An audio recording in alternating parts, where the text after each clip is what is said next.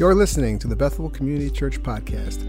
Our podcast normally showcases our weekly sermons here in Chicago at 7601 West Foster. Now, podcasts are great, but they do not replace the care and community you receive from the local church or from your local pastor. So we encourage you to come, join our community, or contact us to help you find a community in your area. We pray the Lord speaks to you as you listen. Enjoy.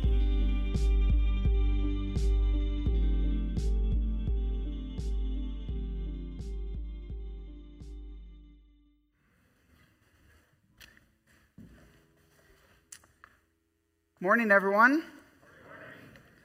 Hey, I'm Mark. I'm the pastor of family and youth here at Bethel. I'm excited to be preaching this morning as we continue on in our series through the I am statements. And I want to start this morning by telling you about a little trip that I was able to take when I was a junior at Moody. I had the opportunity to uh, go to Israel on a study trip, study tour uh, to Israel. Now, this trip was amazing and life changing for a lot of reasons. Uh, we go, we went with a bunch of classmates and also a bunch of our professors, and basically tour all through Israel with teaching on different locations, showing us what happened at each spot, and sort of expounding on our understanding of scriptures by being there physically in the moment. It was amazing. We also received, when we got to Israel, a tour guide. Now, this tour guide was local, and he had credentials uh, he had gone through training. He was a credible person, a proven person to be provided and certified to train and lead. I remember talking to him about it. I like this guy a lot. He reminded me a little bit of Indiana Jones. We did not go on adventures like Indiana Jones, but he reminded me a little bit of him. And uh, man, he told me all this training that you have to go through to be certified to take a group of people through the Middle East. It turns out there's a lot of certification you need to go through to do something like that. And so uh, he was our tour guide for most of the trip, except for this one time. Pulled up to Bethlehem. Now, Bethlehem is part of Palestine, so it's all different there. And there's these massive walls that surround it with a security checkpoint. And our tour guide, because he's a Jewish man, was not able to enter into Palestine. So the bus stops. There's all these armed people. He gets off of our bus which is a little unsettling to see your tour guide say, All right, I'm out. Good luck. But a new tour guide came on. And as he came on, you know, he had the uniform, had to show ID, credentials, proven, certified. He's the guy to lead our team, and he did a great job.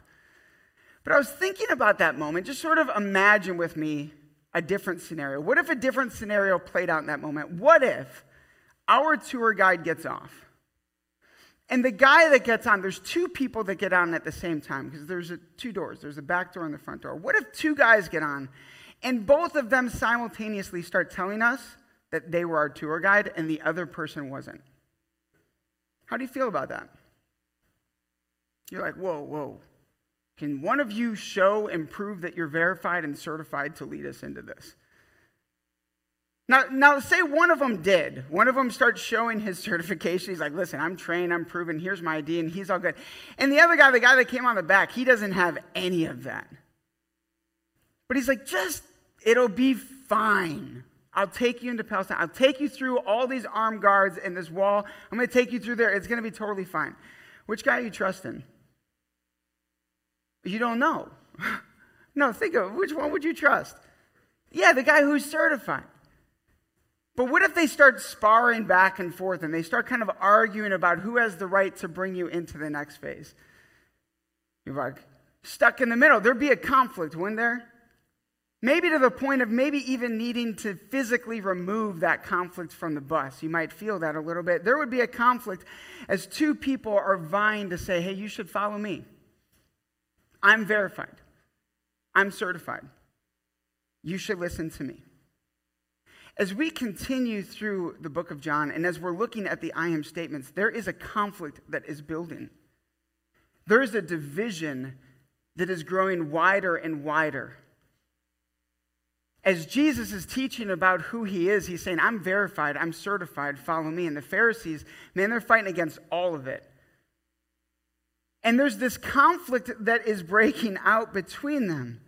Pharisees saying, Man, this guy's dangerous and he's trying to take over. You should not listen to him. He should not be followed. And the conflict is growing to such an extent that they're even attempting to harm Jesus and kill him.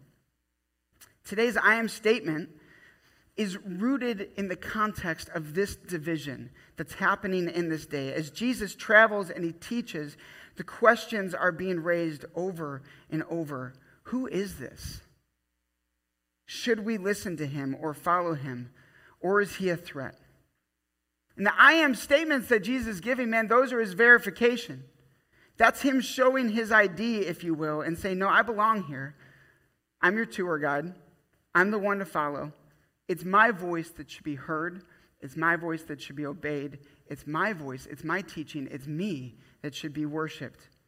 Today we're going to be looking at John 10, where Jesus says, I am the door.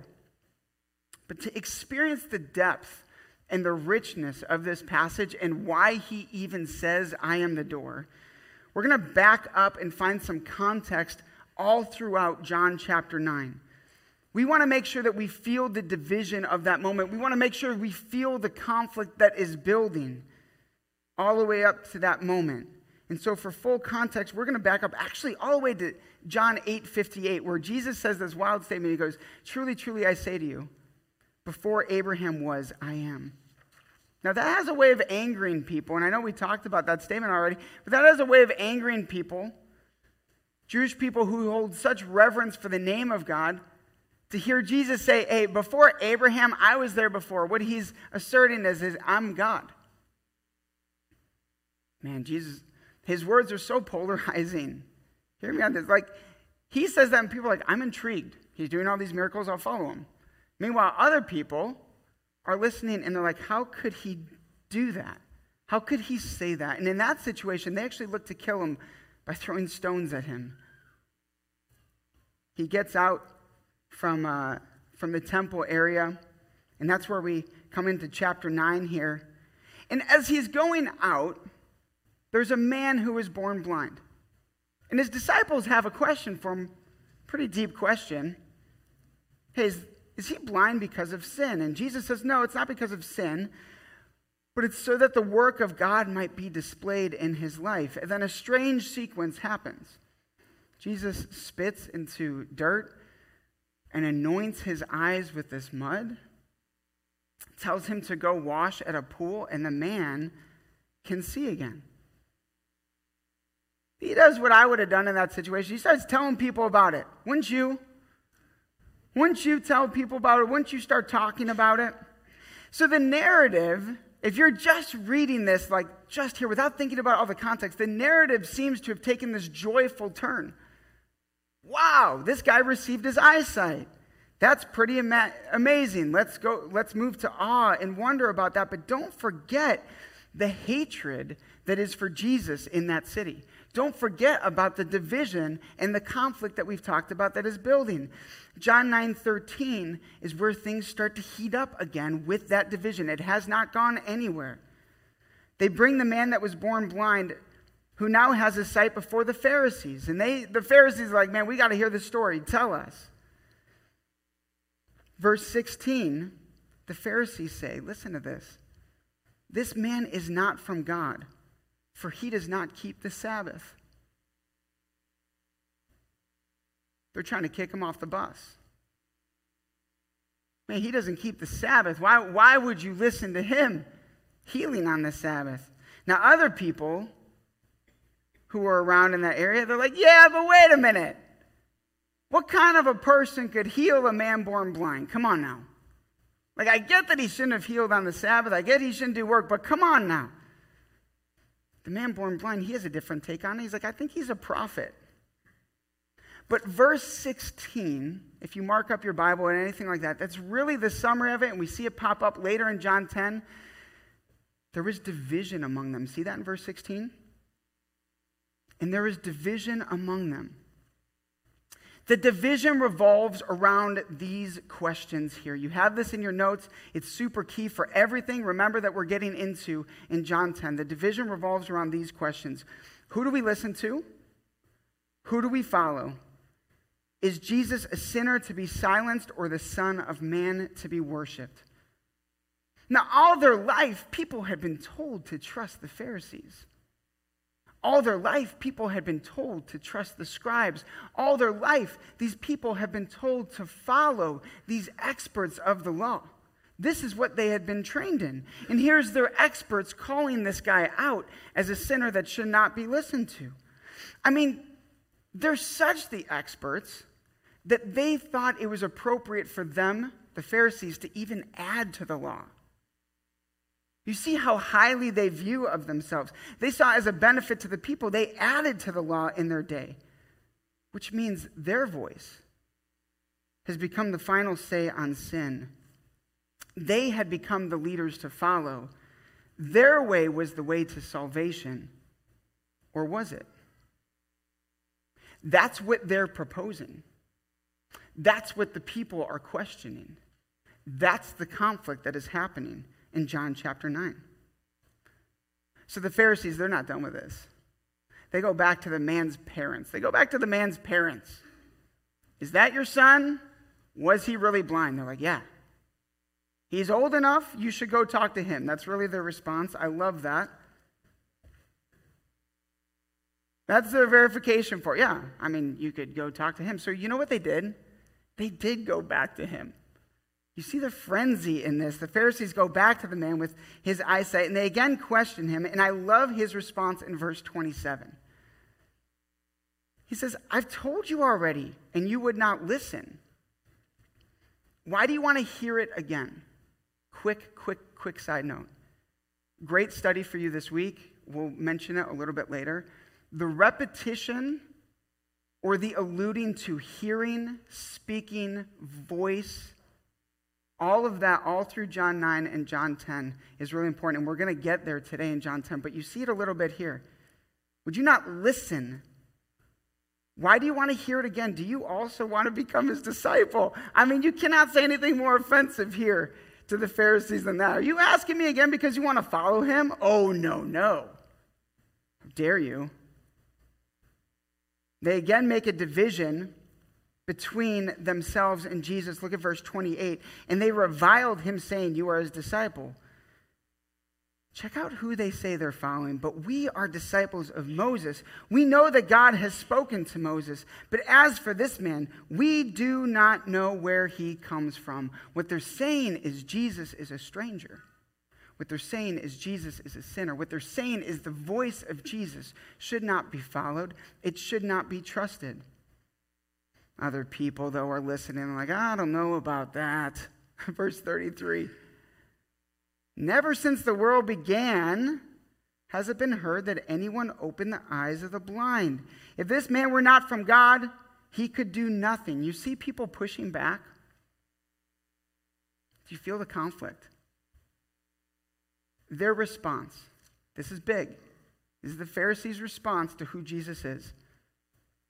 You were born in utter sin that you would teach us, and they cast the man born blind out. Division revolves around the question who do we listen to? Who do we follow? Is Jesus a sinner to be silenced or the Son of Man to be worshiped? There's two tour guides on the bus, and both of them are saying, We're certified. You should listen to us. After hearing that the man was cast out, Jesus finds him, which is beautiful in and of itself. Think about that. Jesus going to find this man that was cast out. Listen to uh, verses 35 through 38 as I read them. Jesus heard that they had cast him out. And having found him, he said, Do you believe in the Son of Man? And he answered, And who is he, sir, that I may believe in him? Jesus said to him, You have seen him and it is he who is speaking to you. He said, Lord, I believe, and he worshiped him. In that moment, the man who was born blind, he chose.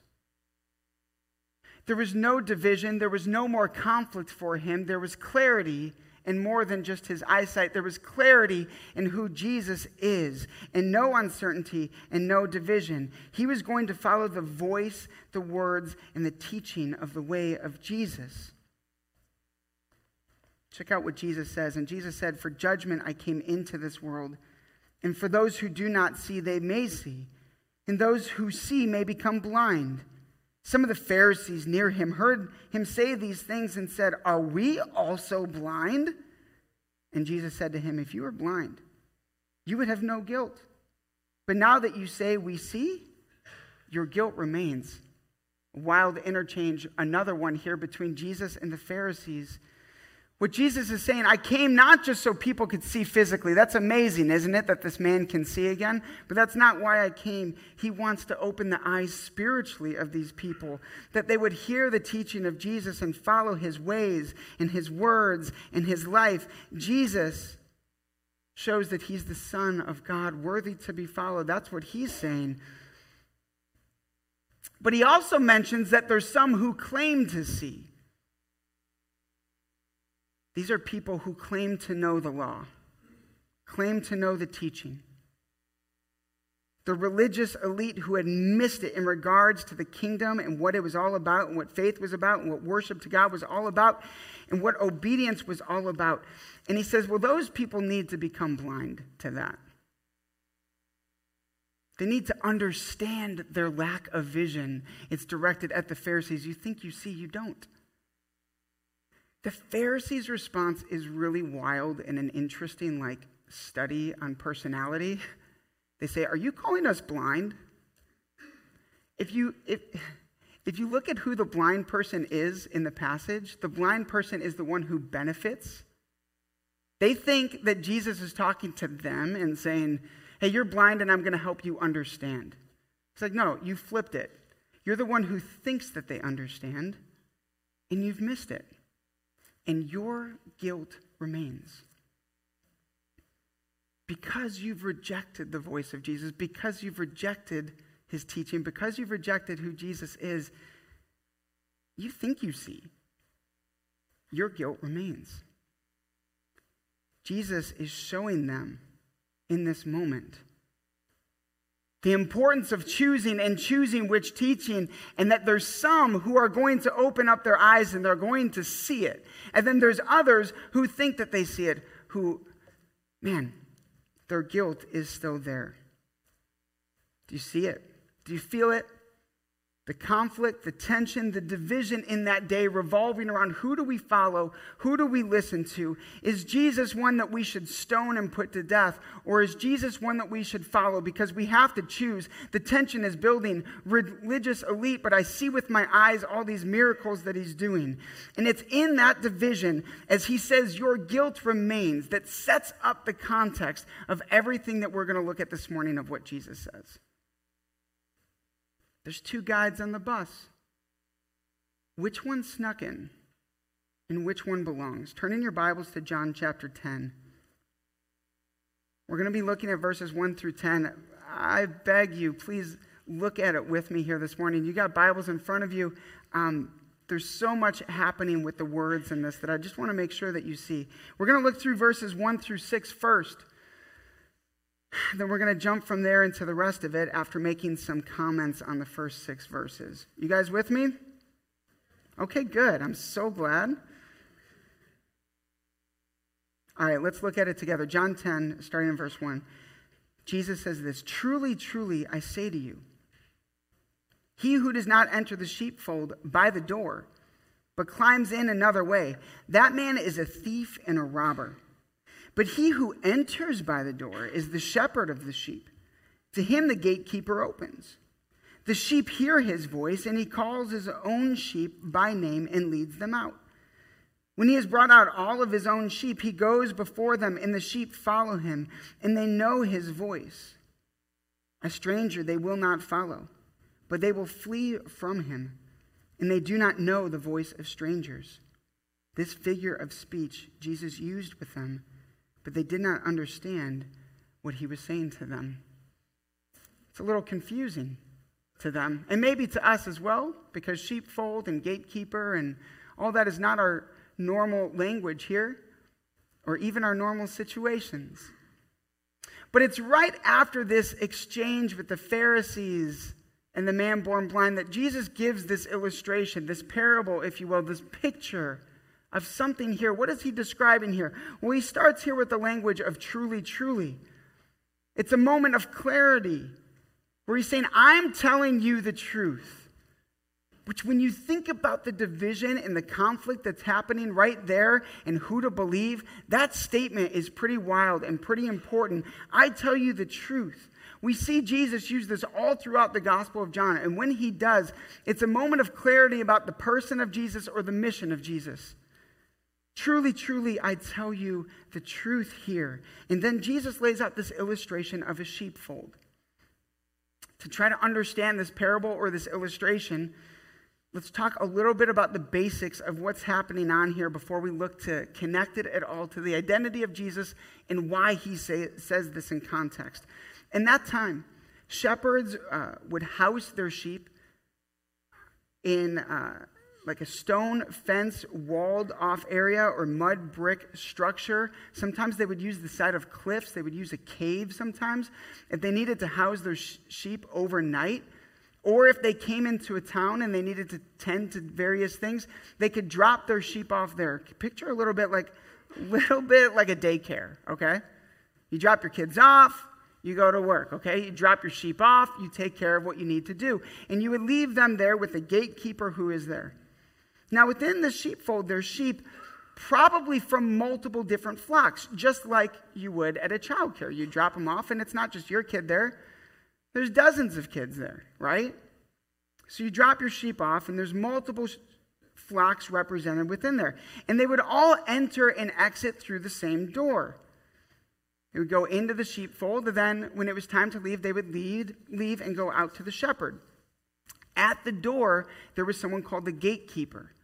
Now, the gatekeeper had a pretty important job. What the gatekeeper would do is he would stand by the entrance and he would verify the shepherd who came in. He would recognize him like, yeah, you never dropped off sheep before. you shouldn't be here. Or, yeah, this is, this is you. Great. Yeah, get your sheep. He would verify who they were. Now, sheep were a commodity. There was value associated with sheep in that day. So, some people, they would try to steal the sheep from the sheepfold. And your best bet was not to go through the front door because there was a gatekeeper there. So, you could try to climb over a wall or get in a different way to get in there. So, so that's sort of what a sheepfold sheep kind of. Now let's let's play that into the parable that Jesus gives here. Not it, you could break it down into a couple different summary statements. First of all, what we see in this is not every person trying to lead the sheep is verified as the shepherd, right? You see that right in verse 1.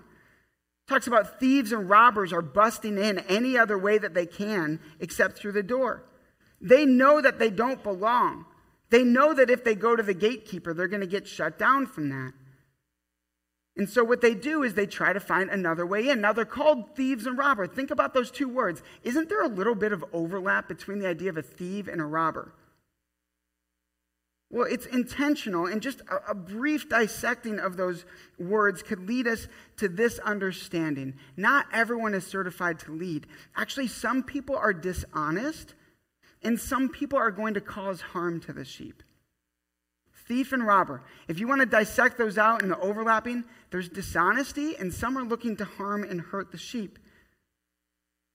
So that's the first thing. Not everyone is verified to lead the sheep.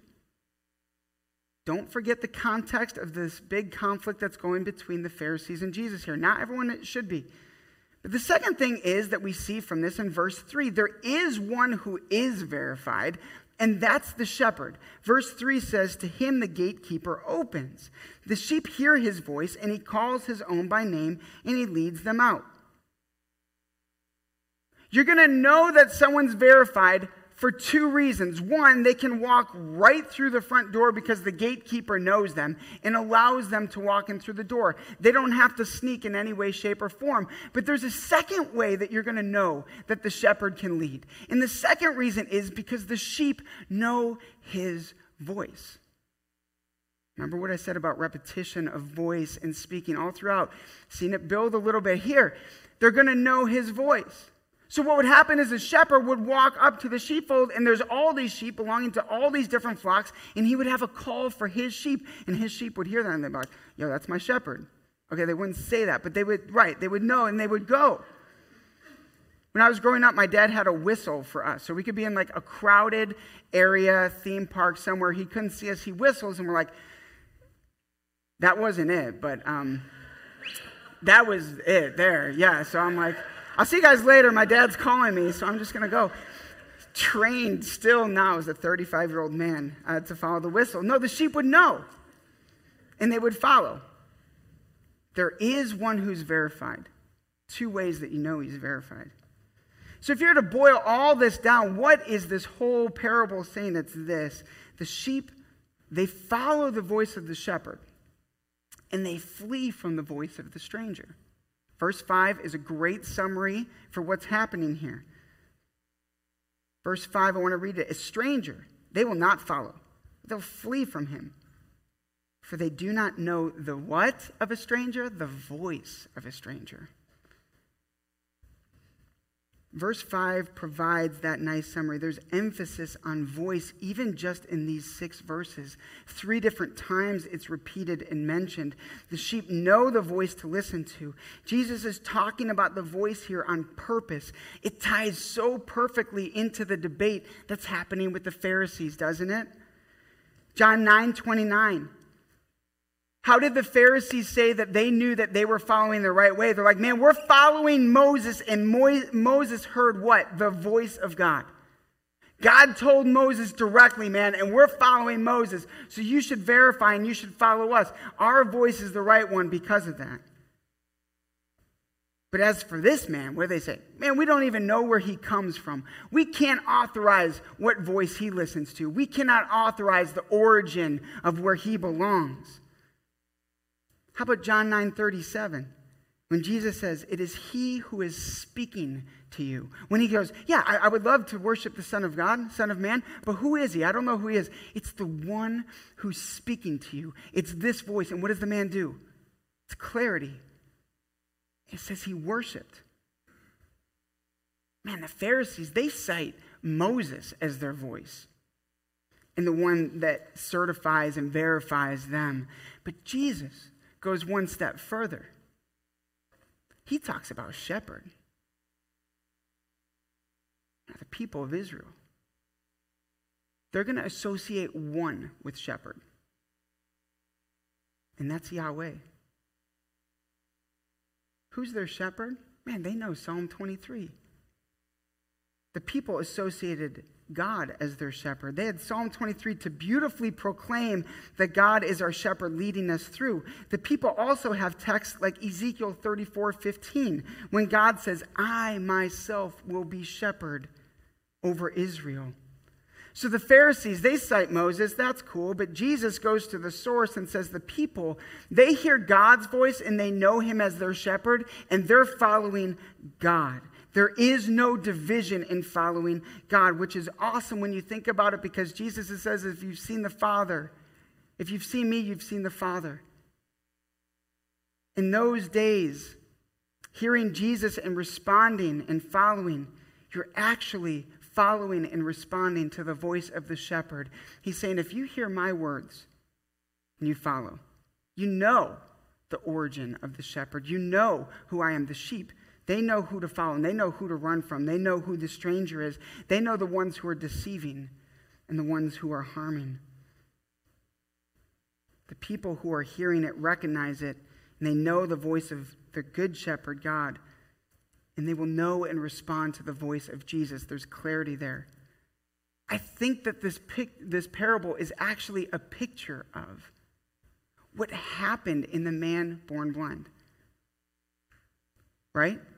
Because he heard the voice and he understood the voice and he chose to follow and there was no division.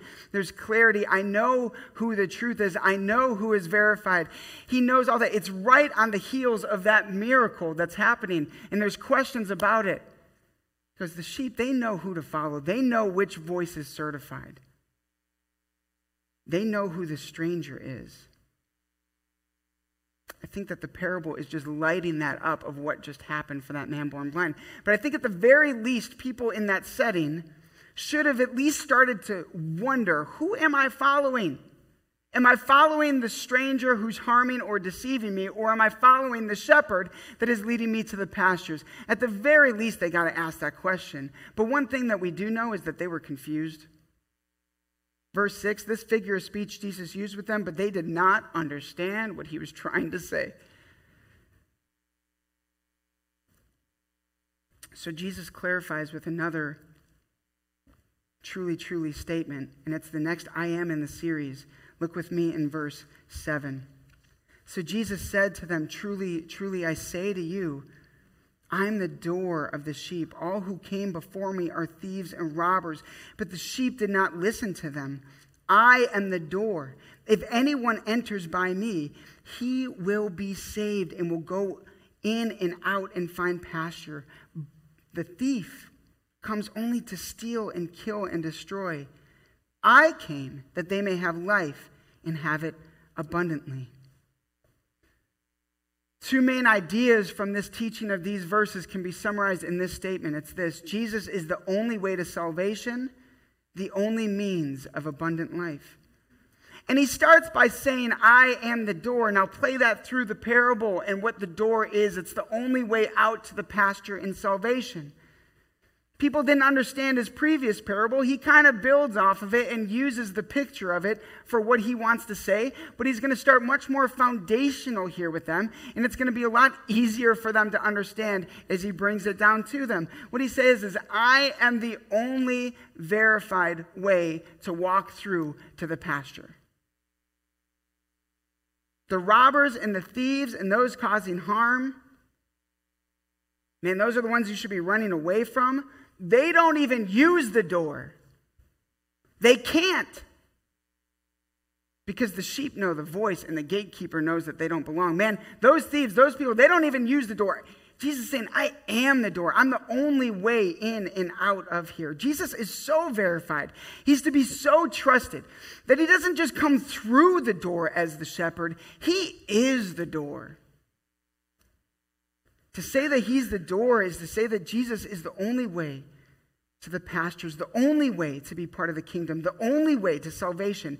If you want to be led by the shepherd, you have to go one way only, and that's through Jesus, through his words and his teaching, through the sacrifice and faith in him to go through that door.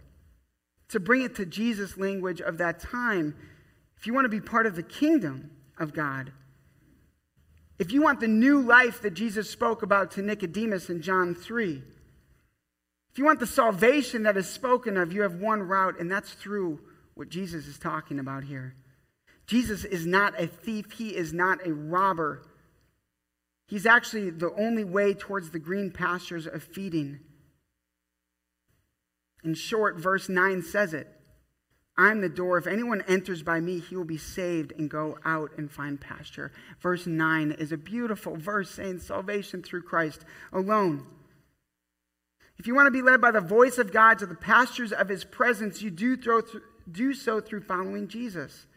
Through his life, death, resurrection, we follow his teaching to enter the kingdom. The claim here is incredible.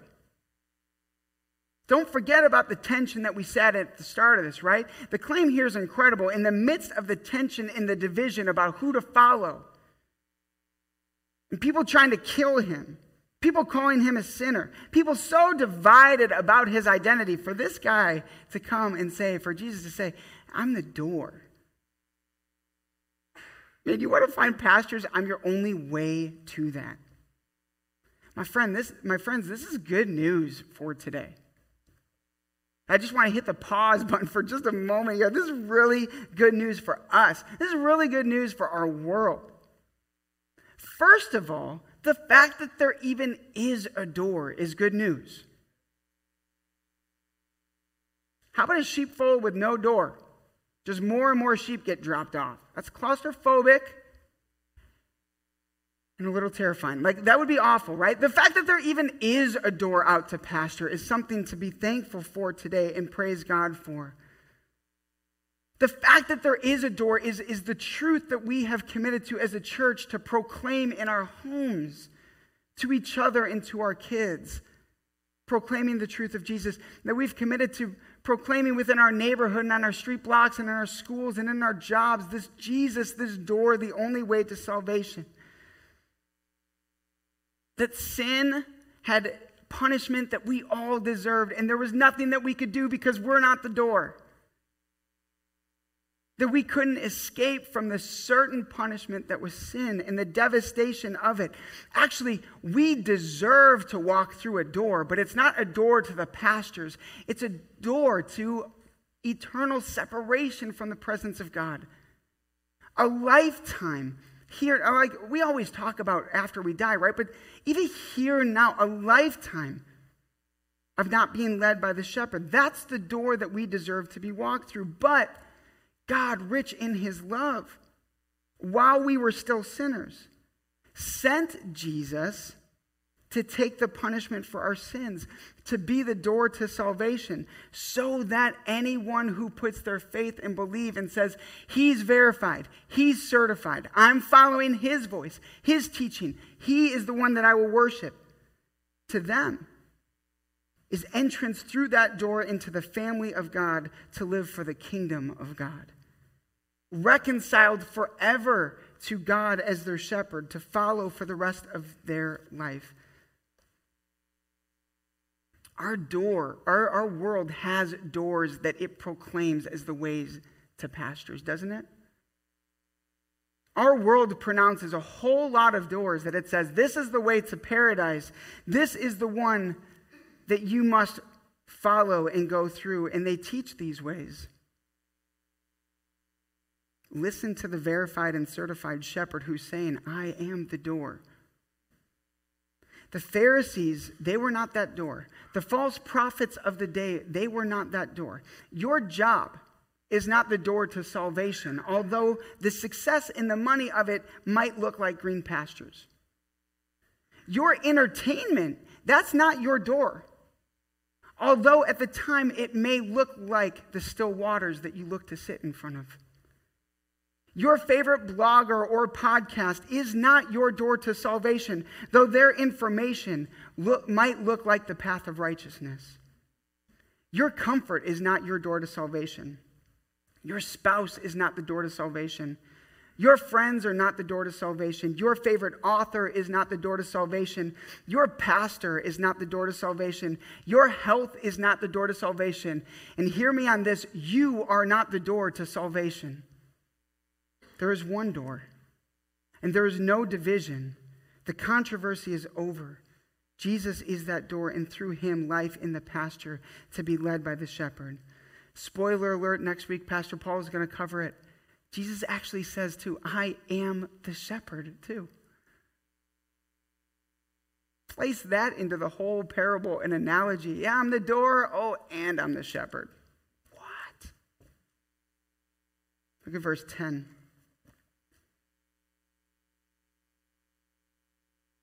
The thief comes only to steal and kill and destroy. I came that they may have life and have it abundantly. You see the difference there?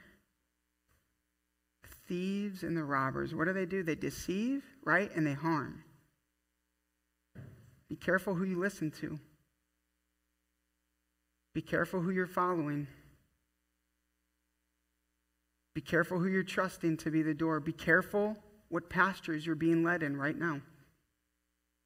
Because that's them. But you see the play on that. They came for that. Now,